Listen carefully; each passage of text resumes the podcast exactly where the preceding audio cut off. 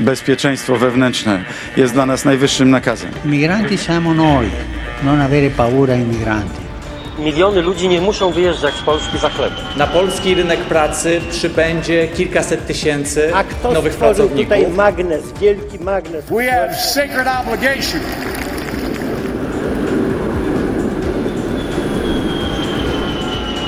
Migrostacja.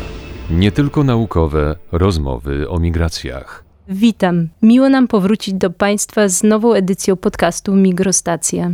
Podczas naszych spotkań z ekspertami i ekspertkami będziemy odnosić się do bieżącej, dynamicznie zmieniającej się sytuacji migracyjnej w Polsce. Dzisiejszy odcinek podcastu będzie poświęcony sytuacji na polsko-białoruskiej granicy. Prawie rok temu rozmawialiśmy w ramach migrostacji po raz pierwszy o sytuacji na tej granicy, gdy grupa uchodźców z Afganistanu utknęła w Usnarzu Górnym pomiędzy białoruską a polską Strażą Graniczną, a obecny rząd wprowadził stan wyjątkowy.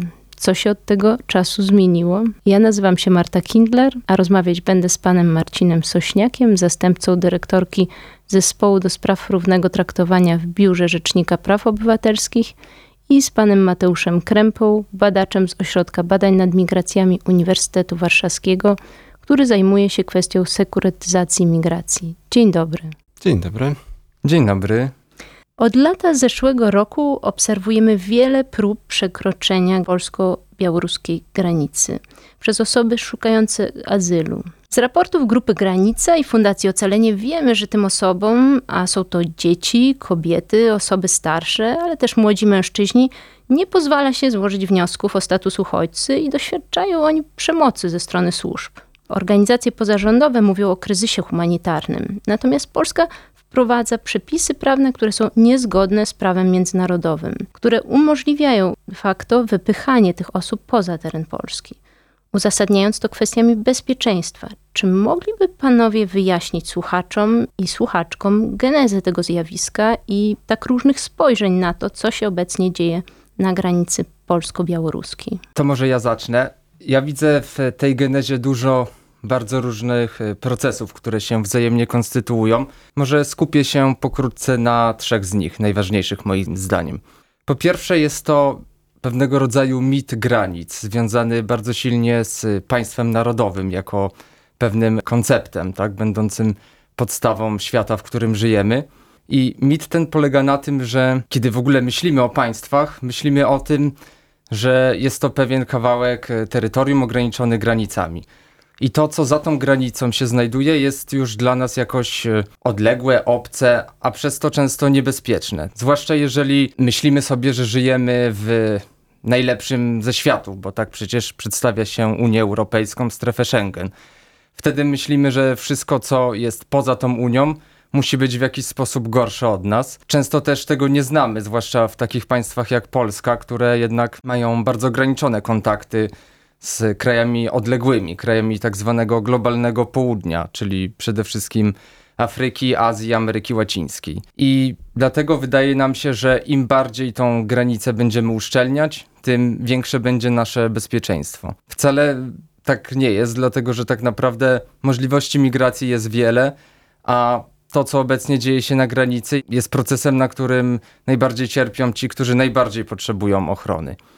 Druga kwestia, która też łączy się z tą, o której powiedziałem, to ksenofobia i to, że wszelkie różnice w obyczajach, różnice w normach postrzegamy jako niebezpieczne. Nie rozumiemy ich często.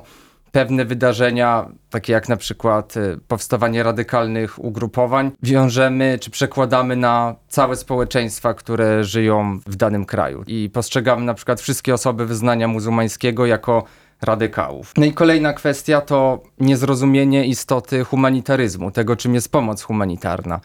Chcielibyśmy pomagać tylko tym, którzy są do nas jakoś podobni. Mówimy często o Ukraińcach, Ukrainkach, że to nasi bracia, że to przyjaciele, a osoby, które się od nas różnią, niestety są często postrzegane jako niezasługujące na pomoc. Ja bym jeszcze dorzucił pewien wątek, który tak naprawdę za polską rzeczywistością, ale taką rzeczywistością prawną, którą jako przedstawiciel Biura Rzecznika Praw Obywatelskich obserwuję od wielu, wielu lat.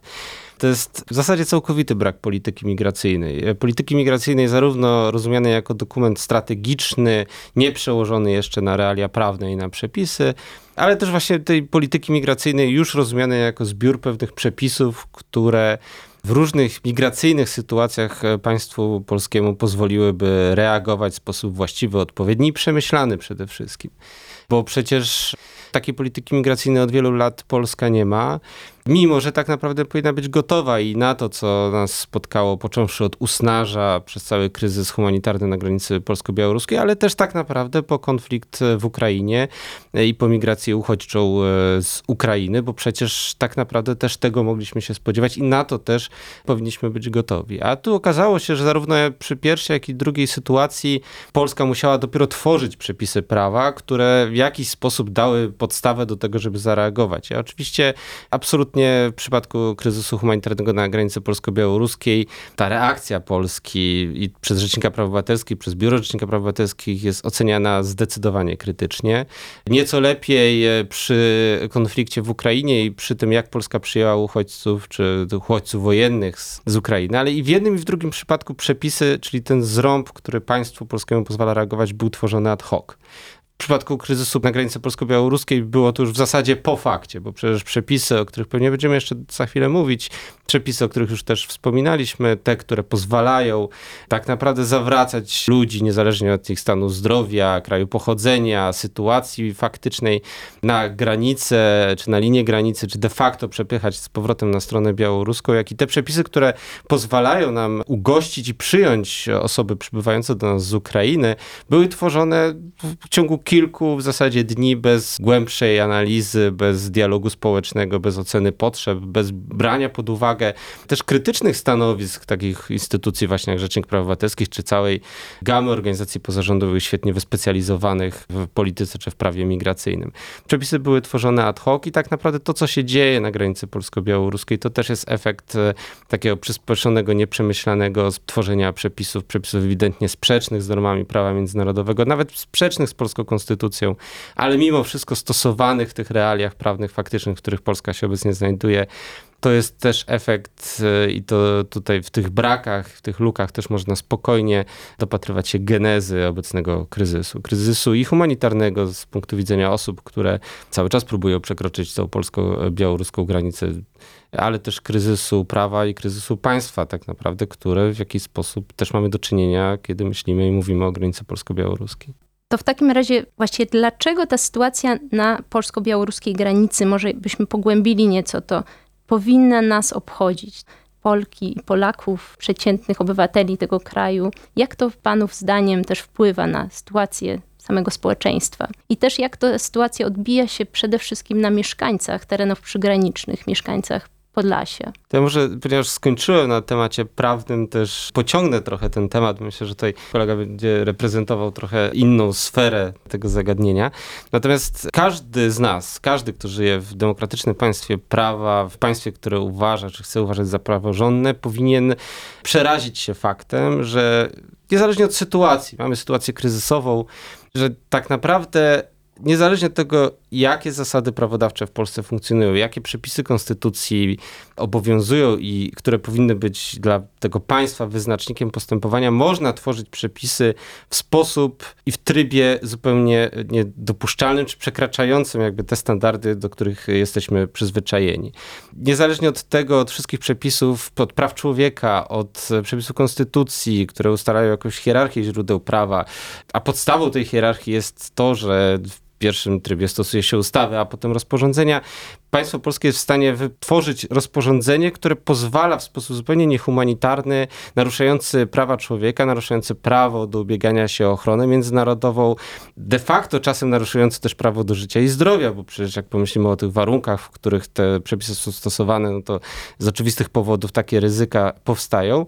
Jest w stanie w drodze rozporządzenia stworzyć instrument, który tak naprawdę nie powinien był w ogóle funkcjonować. A on nie dość, że jest tworzony, to jeszcze jest stosowany. To jest stosowany w momencie, kiedy przepisy ustaw nakazywałyby tejże Straży Granicznej stosującej to rozporządzenie i e, zawracających ludzi do linii granicy postępować zupełnie inaczej. Nakazywałoby przyjmować wnioski o ochronę międzynarodową od ludzi, którzy deklarację zamiaru złożenia takiego wniosku składają, czy nawet tych, którzy nie chcą ubiegać się o ochronę międzynarodową, zawrócić, ale nie na Białoruś, gdzie ich zdrowiu i życiu zagraża niebezpieczeństwo, ale do kraju pochodzenia, tak? No bo mamy przecież procedury tak zwane deportacyjne, które no docelowo zmierzają do zapewnienia możliwości powrotu do kraju pochodzenia cudzoziemcowi, który znalazł się w Polsce w okolicznościach, kiedy jego pobyt czy wjazd jest niezgodny z prawem, ale nawet te procedury gwarantują po pierwsze humanitarny powrót, bezpieczny powrót i nawet w sytuacjach granicznych, kiedy już praktycznie wszystkie przesłanki do zapewnienia takiego powrotu do kraju pochodzenia są spełnione, okazuje się, że jeszcze państwo polskie ma furtkę, żeby udzielić zgody na pobyt humanitarny, czyli żeby nie zawracać do kraju pochodzenia, nie wydalać do kraju pochodzenia cudzoziemca, którego życiu i zdrowiu tam będzie coś zagrażało, którego prawa do życia i prawa do ochrony zdrowia i wolności i inne prawa człowieka będą zagrożone. Tych procedur, które w polskim systemie prawnym funkcjonują od lat, nie stosowaliśmy, nie dlatego, że państwo polskie z nich zrezygnowało, że zmieniło ustawy, czy wycofało się ze zobowiązań międzynarodowych, ale dlatego, że postanowiło w drodze rozporządzenia, czyli zupełnie podrzędnego aktu prawnego, stworzyć jakby nową furtkę, nowy instrument, kompletnie niezgodny z tym, co obowiązywało do tej pory. I ten instrument stosować wbrew temu, że inne przepisy prawa nakazywałyby, nawet prawa takiej rangi jak właśnie konstytucja czy akty prawa międzynarodowego nakazywałyby postępować inaczej. Więc z takiej czysto praworządnościowej perspektywy, z punktu widzenia kogoś, kto chce żyć w kraju praworządnym, demokratycznym, w którym wie, jakie obowiązują zasady i w jaki sposób ma być tworzone i stosowane prawo, no już chociażby z tego powodu sytuacja na granicy polsko-białoruskiej, nawet jeżeli nie interesuje się tematyką migracyjną, nawet jeżeli ma sceptyczny, negatywny, niechętny stosunek do migracji, też powinien wziąć to pod uwagę, że jest to zdecydowanie szersze zagrożenie i zdecydowanie gorsza perspektywa niż tylko i wyłącznie ta dotycząca kryzysu migracyjnego. Ja chciałbym jeszcze podkreślić to, co mój rozmówca tutaj e, zasygnalizował, że jest bardzo ogromna różnica między deportacją, a tym, co nazywa się właśnie, co państwo próbuje nazywać zawróceniem do linii granicy, tak? Ponieważ deportacja jednak pewne minimalne prawa osoby deportowanej gwarantuje i ta osoba jest w jakimś tam stopniu bezpieczna, jeżeli jest przekazywana oczywiście w ręce służb państwa, które faktycznie jest bezpieczne. Natomiast przy tym, co też w nauce nazywa się po angielsku pushback, czyli po prostu wypchnięcie, tutaj e, bezpieczeństwo osoby jest ekstremalnie zagrożone.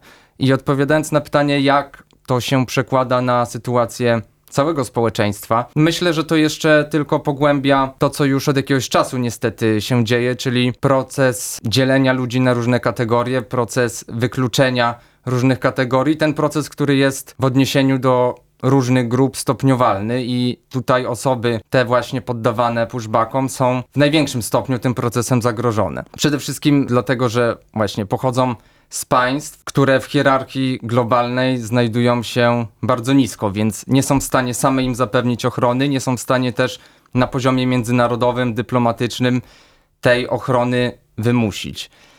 Oczywiście y, inna sprawa, że te osoby same też nie posiadają często kapitału społecznego, kulturowego, żeby rozeznać się w swojej sytuacji, więc padają ofiarami przemytników, padają ofiarami dezinformacji. I to niestety wszystko sprawia, że te osoby są najbardziej zagrożone i też przekłada się to w jakiś sposób na to, jak nasze społeczeństwo podchodzi do tego, kiedy widzi, że takim osobom państwo nie gwarantuje pomocy, to wtedy niestety być może pojawia się większe zezwolenie właśnie na to, żeby kolejne inne grupy też dostawały taki stopień pomocy, jaki według jakiejś dominującej narracji może być im z różnych względów przyznany. To jest niebezpieczne. Odejście od tego włączającego, równościowego rozumienia praw człowieka.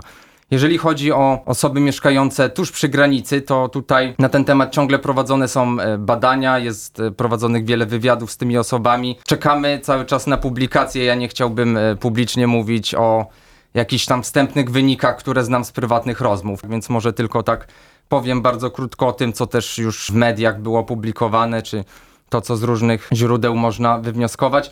Przede wszystkim wielki wpływ na życie w strefie przygranicznej ma militaryzacja, czyli to, że wizualnie, materialnie pojawiała się tam sprzęt wojskowy, pojazdy, drut kolczasty, tym podobne rzeczy, to oczywiście wprowadza bardzo negatywną atmosferę, na przykład w stosunku do dzieci, które ze szkoły, z okna szkolnego, przedszkolnego widzą tego typu rzeczy. No i także atmosfera kontroli, punkty kontrolne, ograniczenia wstępu, pewne poczucie odizolowania, poczucie stanu nadzwyczajnego, wyjątkowego, to też bardzo negatywnie się odb- odbija.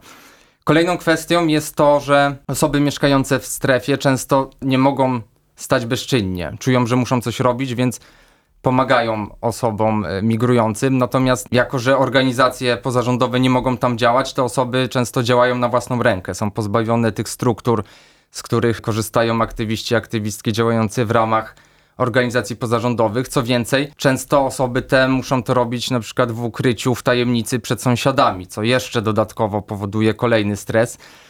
I ostatnia już kwestia związana z tą formą pomocy, że te osoby właściwie nie mają od tego wytchnienia. To nie jest tak y, jak w przypadku osób, które na przykład z Warszawy jadą tam na dwa tygodnie, potem odpoczywają, wracając do swojego domu. Te osoby są tam non-stop, nawet jeżeli przez chwilę mm, nie chciałyby się tym zajmować, to ta sytuacja jest pod ich oknem, pod ich domem, dlatego emocjonalnie, psychicznie jest to ogromnie obciążające. No i jeszcze może na koniec Oczywiście jest to druzgocące też dla gospodarki regionu, bo wiemy, że cała właściwie turystyka została wstrzymana. Ja bym jeszcze dorzucił tutaj pewną taką narrację, która kryminalizuje tak naprawdę tą pomoc. Oczywiście kryminalizuje w cudzysłowiu, tak? No bo pomaganie nie jest przestępstwem, ale jeżeli e, obserwujemy komunikaty czy narrację płynącą chociażby ze strony Straży Granicznej czy administracji publicznej, no to widać, że bardzo często to, co robią czy aktywiści, aktywistki w strefie, czy nawet mieszkańcy, zestawiana jest z funkcjonującymi w kodeksie karnym przestępstwami, na przykład z przestępstwem pomocnictwa w nielegalnym przekraczaniu granicy,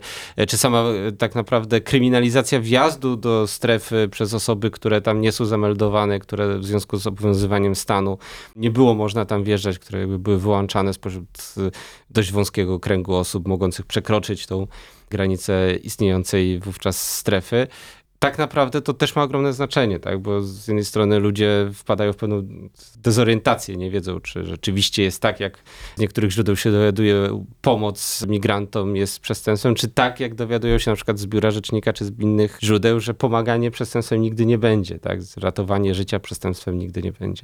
To też na pewno wpływa na sytuację, na stan, na, na zdrowie osób, które tam żyją i, i mieszkają, ale też które no mimo, nawet jeżeli na tydzień, dwa jednak w tej strefie przebywały, a teraz przebywają w tej byłej strefie w zasadzie, bo już ta strefa nie funkcjonuje, ale dalej udzielają, świadczą pomoc, jakiej świadczyły wcześniej. Właśnie, była strefa zniesiona. Chciałam zapytać, czy panów zdaniem to coś rozwiązuje? Rozwiązuje to jakoś sytuację na polsko-białoruskiej granicy? No, oczywiście, no z punktu widzenia przepisów prawa, no to tak jak Rzecznik Praw Obywatelskich przedstawił stanowisko, no tak jest. No, przepisy prawa w jakiś tam sposób e, stwarzały możliwości do wprowadzania pewnych stanów wyłączających możliwość poruszania się, chociaż zawsze krytykowaliśmy to, w jaki sposób e, to się zadziało, czyli zupełną niemożność przebywania i przybywania do strefy przez dziennikarzy, ale też na przykład przez e, takie organizacje humanitarne jak Polski Czerwony Krzyż, który jest zupełnie naturalnym podmiotem, który tam od w zasadzie pierwszych dni sierpnia zeszłego roku powinien już funkcjonować i dostarczać pomoc wszystkim. e, potrzebującym. I rzeczywiście ja osobiście nigdy nie widziałem uzasadnienia poza blokadą właśnie dostępu do informacji, funkcjonowania tej strefy. Muszę też powiedzieć, że ile się nie mylę, a chyba się nie mylę, Biuro Rzecznika Praw Obywatelskich, czy my, przedstawiciele Rzecznika, e, byliśmy jedynymi, którzy w zasadzie mogli wykonywać swoje zadania również w strefie i wjeżdżaliśmy do niej bardzo często. W zasadzie nie było tygodnia od sierpnia do lutego chyba, w którym przedstawiciele Rzecznika nie byliby obecni w, w tym rejonie. No ale tak być nie powinno. Tak? Tam y, jest wiele instytucji, wiele, wiele organizacji pozarządowych, które powinny tam być. Oczywiście one były, ale tak jak mówiliśmy, no, z tym całym niestety nimbem kryminalizacji tego, co, co tam robiły, a tak być nie powinno. Powinny tam móc działać, powinny tam móc reprezentować siebie, reprezentować państwo, społeczeństwo obywatelskie. Były tam potrzebne i to widzieliśmy w każdym momencie naszej bytności. Byli tam potrzebni lekarze, byli tam potrzebni y, przedstawiciele PCK, organizacje pozarządowe, pozarządowe, prawnicy. I paradoksalnie, to jest moje zdanie, przecież też pracowaliśmy i ze Strażą Graniczną na miejscu, i z organizacjami pozarządowymi, byliśmy obecni w wielu momentach, kiedy właśnie pomagaliśmy cudzoziemcom, przy których Straż Graniczna interweniowała. I ja zawsze miałem takie wrażenie, że obecność e, chociażby prawników z organizacji pozarządowych, którzy tym ludziom, którzy trafiali już pod jurysdykcję Straży Granicznej, trafiali w miejsca tak naprawdę detencji, no, mogliby przynajmniej przedstawić ich sytuację prawną i faktyczną. Straż Graniczna oczywiście starała się to robić, nie miała ku temu mocy przerobowych z racji e, panującej tam sytuacji. Natomiast były tam potrzebne osoby. Widzieliśmy to na każdym kroku, w zasadzie przy każdym napotkanym cudzoziemcy e, czy migrancie byliśmy świadkami tego, jak bardzo tam informacja prawna jest e, towarem pierwszej potrzeby, obok oczywiście tych podstawowych, jak żywność, ciepła odzież czy leki. I nigdy nie byłem tak naprawdę w stanie zrozumieć, dlaczego państwo w tym momencie zrezygnowało tak naprawdę ze wsparcia i pomocy organizacji pozarządowych i zawsze byłem przekonany, że te organizacje były otwarte i gotowe, żeby taką pomoc świadczyć. Natomiast państwo polskie w reakcji na ten kryzys postanowiło pójść inną drogą i z tej pomocy ku tak naprawdę największej krzywdzie oczywiście migrantów zdecydowało się podążać. Należy zadać sobie pytanie, co rozumiemy jako rozwiązanie sytuacji. Na pewno zniesienie zakazu wstępu do strefy przygranicznej umożliwi działanie tam organizacjom pozarządowym, które będą mogły nieść pomoc i to jest na pewno ogromny plus. Rozumiem, że samo zniesienie tego zakazu wiąże się z budową tej zapory, tak, tego płotu, który powstaje, więc tutaj raczej całościowo można by zapytać, czy jak sytuacja się zmieni. Natomiast y, przede wszystkim chciałbym powiedzieć, że wszystkie rozwiązania, o których tutaj teraz powiedziałem, są raczej krótkoterminowe, są raczej krótkowzroczne, lokalne.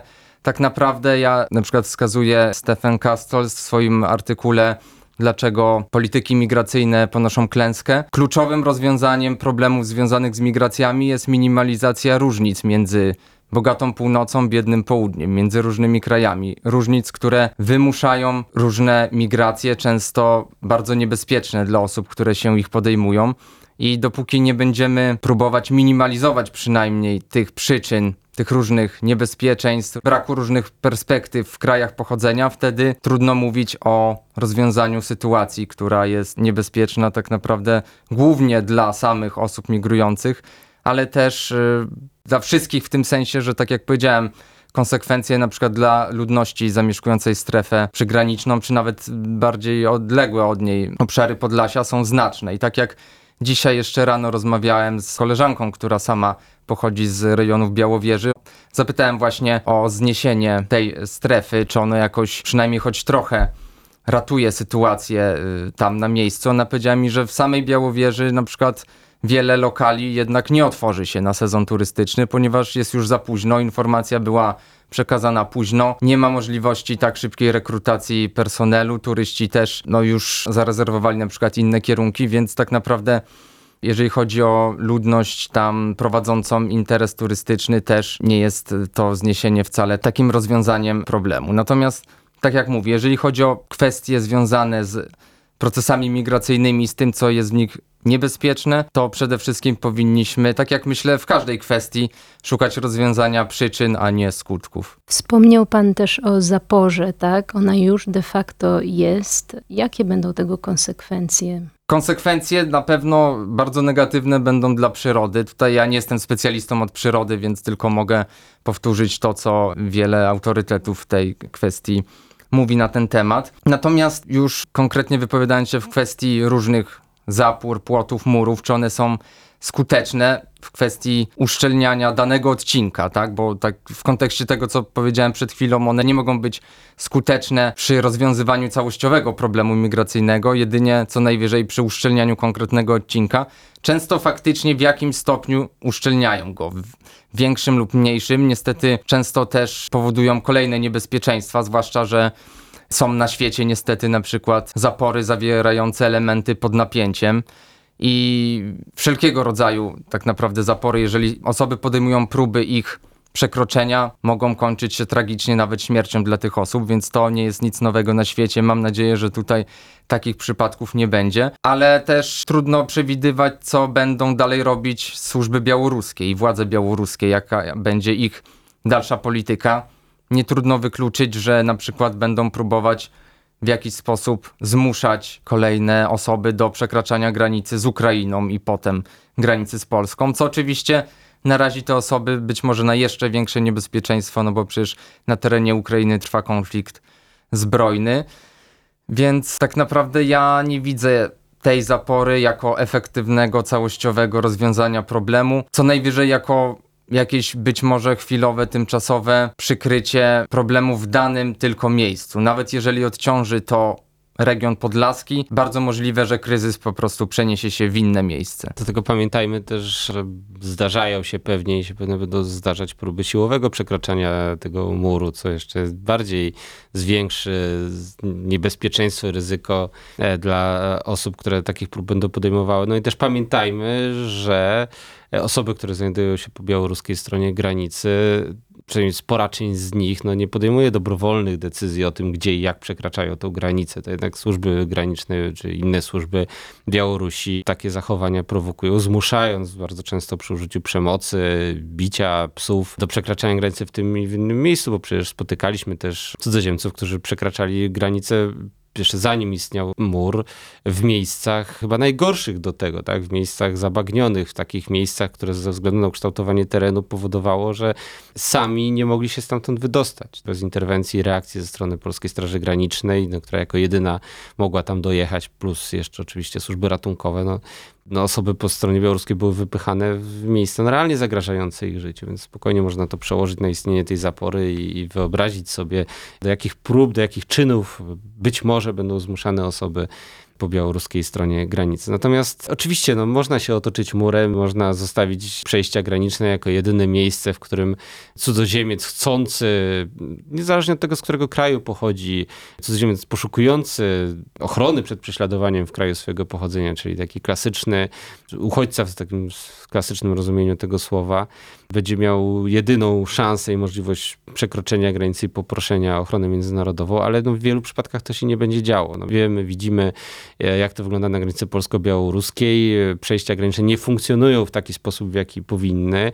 Białoruś nie dopuszcza ze swojej strony nikogo i nie dopuściła przez całą tą sytuację graniczną, nie dopuściła do tego, żeby ktokolwiek z tych cudzoziemców podszedł do przejścia granicznego, przeszedł odprawę po stronie białoruskiej, tak, no bo to też jest wtedy konieczność, przystąpił do odprawy po stronie polskiej, tam poprosił o ochronę międzynarodową, czyli o przyznanie statusu uchodźcy, bo tak teoretycznie i tak w wyobrażeniu służb granicznych, jak rozumiem, powinna wyglądać procedura składania wniosków o ochronę międzynarodową, ale tak się nie dzieje. Nie dzieje się tak dlatego, że przede wszystkim nie dopuszcza do tego strona białoruska. Nie dzieje się tak też dlatego, i to akurat Biuro Rzecznika Praw Obywatelskich stwierdzało, wizytując jeszcze przed kryzysem polsko-białoruskim granicę polsko-białoruską w Terespolu w 2015-16 roku, nie wiem, może niektórzy z Państwa pamiętają, ci, którzy się interesowali tym tematem. Wówczas mieliśmy tam też w porównaniu do obecnego stosunkowo niewielki e, kryzys humanitarny, gdzie w Brześciu Białoruskim koczowało też na dworcu kilkaset osób, e, głównie narodowości czeczeńskiej, ale nie tylko, które podchodziły do odprawy granicznej, wtedy przepuszczane spokojnie przez białoruską e, Straż Graniczną, podchodziły do odprawy na przejściu kolejowym w Terespolu i tam też usiłowały złożyć, przynajmniej część z nich, bo oczywiście nie wszyscy to mówili, nie wszyscy chcieli ochronę międzynarodową, ale część z tych osób chciała, próbowała złożyć wniosek o ochronę międzynarodową i też otrzymywała decyzje odmawiające im prawa wjazdu. Tak? I tam też wtedy przedstawiciele rzecznika kilkokrotnie przejście wizytowali i byliśmy obecni przy rozmowach z funkcjonariuszami Straży Granicznej, przy odprawach granicznych i też stwierdziliśmy przypadki, w których ktoś mimo, że mówił, że chce w Polsce ubiegać się o ochronę, nie był przez granicę przepuszczany. To zresztą opisaliśmy w naszym ówczesnym raporcie. Więc e, widać też są bariery, ale no, nie możemy się oszukiwać, że pozostawienie tylko i wyłącznie przejść granicznych jako tych miejsc, w których mogą pojawić się osoby ubiegające się o ochronę międzynarodową, wystarczy do tego, żeby zapewnić tym osobom realne prawo do ubiegania się o tą ochronę. Tak nie będzie, tak nie, nie jest i jak widać tak nie było. Więc budując ten, e, ten mur, my tak naprawdę z jednej strony no, oczywiście wpływamy na to, że liczba osób przekraczających granicę będzie mniejsza, ale też realnie pozbawiamy możliwości chociażby poszukiwania takiej ochrony w Polsce rzesze osób, które z różnych powodów, czy teraz, przy tym kryzysie, czy przy wszystkich kolejnych, będą chciały do Europy dotrzeć i będą chciały tutaj, jako że Polska jest pierwszym krajem granicznym strefy Schengen, ubiegać się o ochronę międzynarodową. Więc sam fakt fizycznego pozbawienia dostępu do polskiej granicy, do wstępu do funkcjonariuszy Straży Granicznej, którzy są zobligowani do tego, żeby pierw przyjąć deklarację zamiaru ubiegania się o ochronę międzynarodową, a potem doprowadzić do przyjęcia wniosku, sprawia, że istnieje duże ryzyko, że prawo do tej ochrony będzie przez samo istnienie tej zapory naruszane, a chciałbym przypomnieć, że prawo cudzoziemca do ubiegania się o ochronę międzynarodową jest prawem konstytucyjnym, które jest zapisane w Konstytucji Rzeczypospolitej Polskiej, pomijając to, że też wynika z szeregu aktów prawa międzynarodowego i praw Unii Europejskiej i konwencji genewskiej o statusie uchodźcy. Więc tak naprawdę wracamy też do tego, co powiedziałem na samym początku. Powinniśmy budować politykę migracyjną, humanitarną politykę migracyjną, też taką, która zapewni Polsce bezpieczeństwo. Oczywiście wiadomo, że każde państwo reglamentuje dostęp do swojego terytorium i pewnie tak by było i w tej polityce migracyjnej, ale zamiast budować mur, warto by zbudować politykę migracyjną. Właśnie na koniec naszej rozmowy chciałam panów dopytać o te długofalowe rozwiązania. Tak? Co powinno zostać wprowadzone, żeby tak naprawdę zaradzić takim kryzysom humanitarnym i tej presji migracyjnej, która nie zniknie, tak? Będzie raczej się nasilać, w związku z tym też sytuacja w wielu krajach się pogarsza, w krajach afrykańskich. Przepraszam, ja tak się wyrywam do odpowiedzi, ale mam gotową odpowiedź na to pytanie, bo tak naprawdę cały paradoks polega na tym, że w pierwszej kolejności nie powinniśmy tworzyć, a powinniśmy likwidować. I przede wszystkim powinniśmy zlikwidować te przepisy, które zostały przy okazji kryzysu na granicy polsko-białoruskiej do polskiego porządku prawnego wprowadzone. Czyli po pierwsze, przepis rozporządzenia, to jest takie rozporządzenie, już wspominaliśmy o nim, ale może parę słów, żeby słuchacze i słuchaczki wiedzieli o co chodzi. Rozporządzenie covidowe, rozporządzenie na podstawie którego w czasie pandemii weszło w życie w marcu 2020 roku, w czasie pandemii pozwoliło ministrowi spraw wewnętrznej administracji ograniczać, regulować rodzaje ruchu granicznego na przejściach. Chodziło o to, żeby przymknąć granice, wiadomo, w warunkach covidowych większość państw takie przepisy przyjmowała.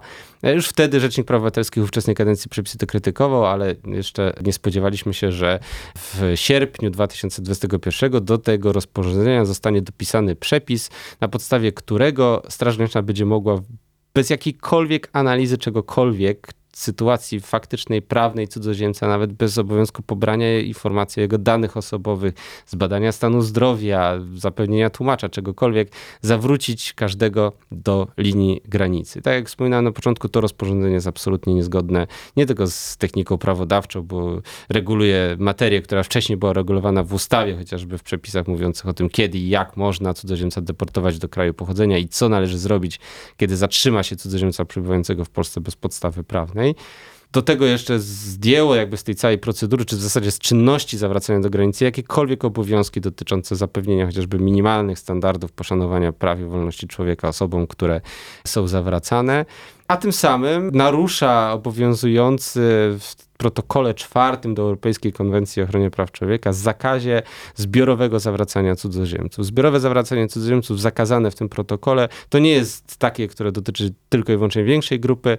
Pod pojęciem zbiorowego, zakazanego zbiorowego zawracania cudzoziemców rozumie się takie, które nie daje przestrzeni na to, żeby ocenić i zbadać sytuację faktyczną i prawną osoby zmuszanej do powrotu do kraju, z którego dostała się na nasze terytorium. I to rozporządzenie, ten przepis rozporządzenia wprowadzony w 2021 roku jest, zdaniem rzecznika, oczywiście takim zbiorowym zawracaniem i w pierwszej kolejności, jeżeli mówimy o tym, co powinno stać się w przyszłości, ten przepis powinien zostać z rozporządzenia usunięty. Chwilę potem pojawiła się nieco inna regulacja, już na poziomie ustawy. W ustawie o cudzoziemcach wprowadzono nową procedurę wydawania postanowień o opuszczeniu terytorium RP. Procedura w domniemaniu miała zastąpić te przepisy rozporządzenia. Tak się nie stało, ponieważ te przepisy, z tego co wiemy, stosowane są nadal jednej i drugiej i zawraca się na podstawie rozporządzenia i wydaje się postanowienia o opuszczeniu terytorium RP. Jedyna zmiana tak naprawdę poza tym, że te przepisy mają już rangę ustawową jest taka, że wydaje się cudzoziemcowi dokument w formie jednostronicowego postanowienia, gdzie zobowiązuje się go do opuszczenia terytorium Polski. To postanowienie jest wykonywane natychmiastowo i wykonywane jest dokładnie w taki sam sposób, w jaki stosowane było rozporządzenie, czyli do zawracania na linię granicy w taki sam sposób i w zasadzie bez większych zmian. I również ta procedura nie przewiduje, ponieważ ona nie odnosi się w żaden sposób do żadnego postępowania, nie przyznaje cudzoziemcowi tutaj żadnego statusu strony postępowania, daje mu co prawda prawo złożenia zażalenia, ale i tak jest wykonywane natychmiast, więc trudno sobie wyobrazić, żeby ktoś z białoruskiego lasu takie zażalenie miał w ciągu siedmiu dni złożyć, ale też Straży Granicznej nie daje żadnych podstaw do tego, żeby analizować czy oceniać sytuację faktyczną, prawną cudzoziemca, więc tak samo nasz naszym zdaniem, zdaniem Rzecznika Praw Obywatelskich, jest to zbiorowe wydalanie, czyli ta procedura zakazana w protokole czwartym Europejskiej Konwencji o ochronie praw człowieka. Więc to są dwie rzeczy, które zdecydowanie, jeżeli chcemy myśleć i mówić o tym, co powinno być gotowe na przyszłość, na, na możliwe oczywiście podobne kryzysy w przyszłości, no to te dwa przepisy powinny zniknąć. Czyli paradoksalnie, żeby radzić sobie z takimi sytuacjami, powinniśmy wrócić do norm, które były stosowane i obowiązywały wcześniej. Przy oczywiście pełnym krytycyzmie też do niektórych przepisów. Ja rozumiem też, że teraz nie jest przestrzeń do tego, żebyśmy analizowali szczegółowo te istniejące od lat procedury, ale no, zdecydowanie były lepsze niż to, co zostało stworzone w sierpniu. I od tego powinniśmy tak naprawdę zacząć. A sytuacja na granicy polsko-ukraińskiej, jeszcze dodam mi przyjęcie przez Polskę prawie że 3 milionów osób, którym trzeba było udzielić szybkiej, kompleksowej pomocy i, i, że się udało i że Polska była w stanie to zrobić, jest w stanie to robić, pokazało, że tak naprawdę no, nie powinniśmy się obawiać ani liczb, ani tych migrantów, których mielibyśmy przyjąć również na granicy polsko-białoruskiej.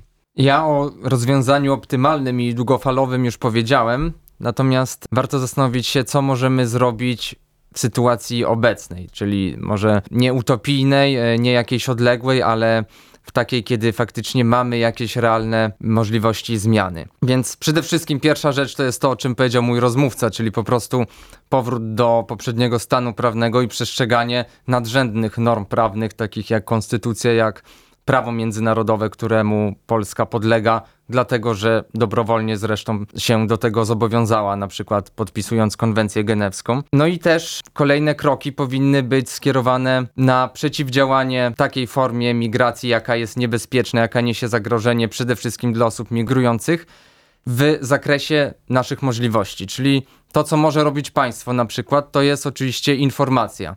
Informacja w krajach pochodzenia, informacja na szlakach, informacja wirtualna o tym, jak naprawdę wygląda szlak białoruski, o tym, jak naprawdę wygląda sytuacja prawna związana ze strefą Schengen, z systemem dublińskim, z procedurami ochrony międzynarodowej w ramach Unii Europejskiej. O tym wszystkim często osoby te nie mają informacji, albo co gorsza, jeszcze mają informacje nieprawidłowe, podane im przede wszystkim przez przemytników, którzy po prostu chcą na tym zarobić.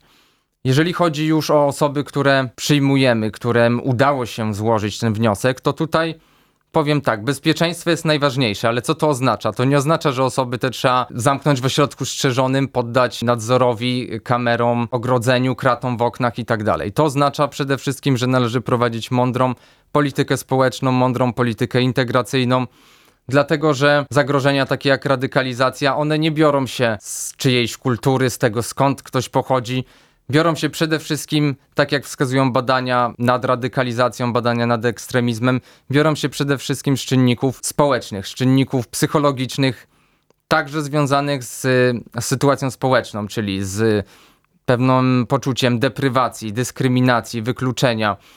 A środki takie powiedzmy koercyjne, kontrolne, często są nawet przeciwskuteczne. Były takie badania dotyczące różnych właśnie procedur kontroli społeczności migranckich. Okazało się, że niestety te środki dotyczące na przykład y, przeszukiwania osób na ulicy, sprawdzania ich tożsamości, one tylko potęgowały te kryminogenne czynniki.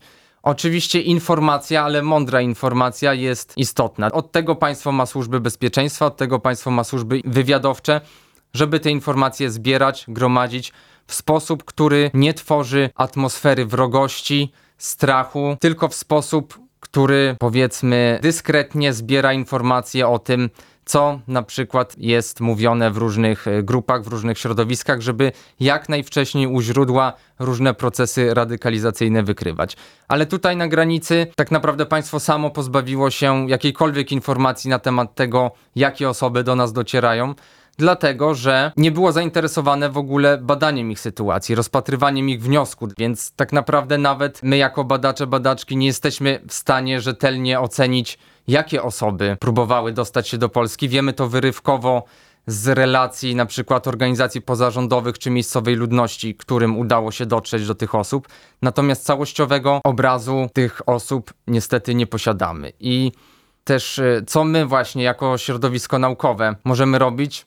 Możemy przede wszystkim nagłaśniać to i tłumaczyć, tłumaczyć czym jest ochrona międzynarodowa, czym jest humanitaryzm, jakie normy prawne Polska musi przestrzegać, ale też czym jest wzajemne bezpieczeństwo, z czego ono się bierze, z czego biorą się zagrożenia. To, że sekurytyzacja, czyli naznaczanie, stygmatyzowanie pewnych grup jako niebezpiecznych jest często przeciwskuteczne. O tym też mówi bardzo duża część literatury. O tym, że właśnie potęgowanie tego antagonizmu, wykluczenia, że to rodzi wrogość, napięcie, w konsekwencji niebezpieczeństwa.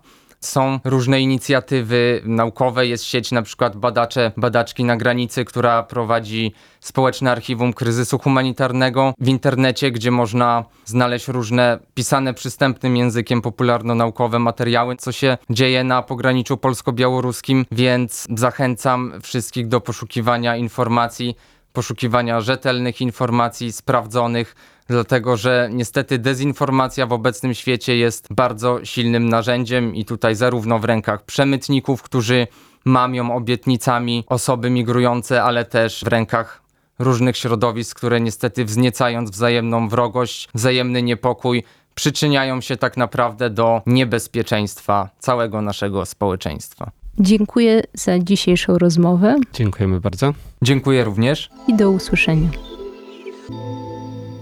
To był podcast Migrostacja, przygotowany przez Zespół Ośrodka Badań nad Migracjami Uniwersytetu Warszawskiego we współpracy z Sounds and Stories.